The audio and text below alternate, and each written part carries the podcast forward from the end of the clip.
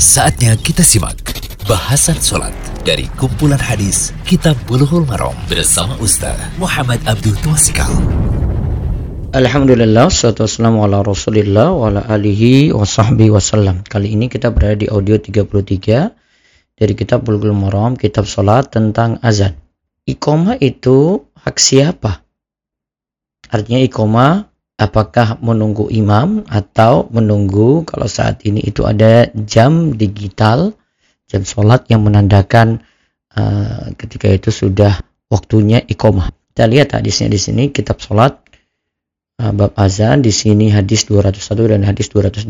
Wa Abi Hurairah radhiyallahu anhu qala Qala Rasulullah sallallahu alaihi wasallam al muadzinu amlaku bil adhani wal imamu amlaku bil iqamati Rawahu Ibnu Adi wa dha'afahu.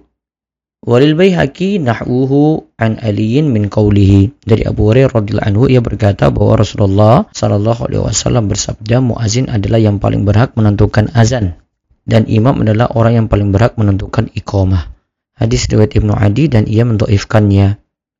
Walil Baihaqi nahwuhu an Aliyin min qawlihi. Al-Baihaqi juga meriwayatkan hadis yang senada dari ucapan Ali radhiyallahu anhu.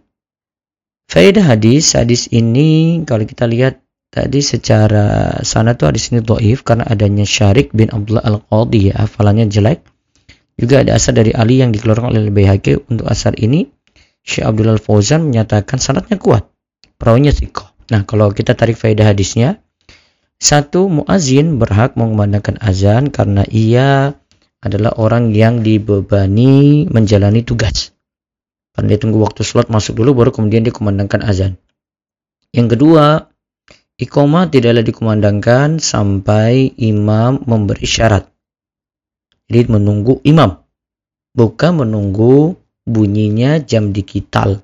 Tapi kalau imam pakai patokan itu ya terserah imam. Ya pokoknya keputusan akhir itu pada imam.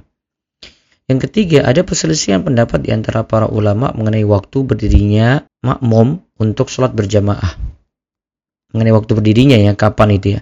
Ada perkataan dari Imam Malik rahimahullah adapun berdiri bagi makmum ketika melaksanakan sholat maka tidaklah pernah kita mendengar ketentuan waktu berdirinya. Bahkan kapan berdiri bisa melihat dari kemampuan manusia. Ada di antara adalah yang berbadan berat dan ada yang pula ringan.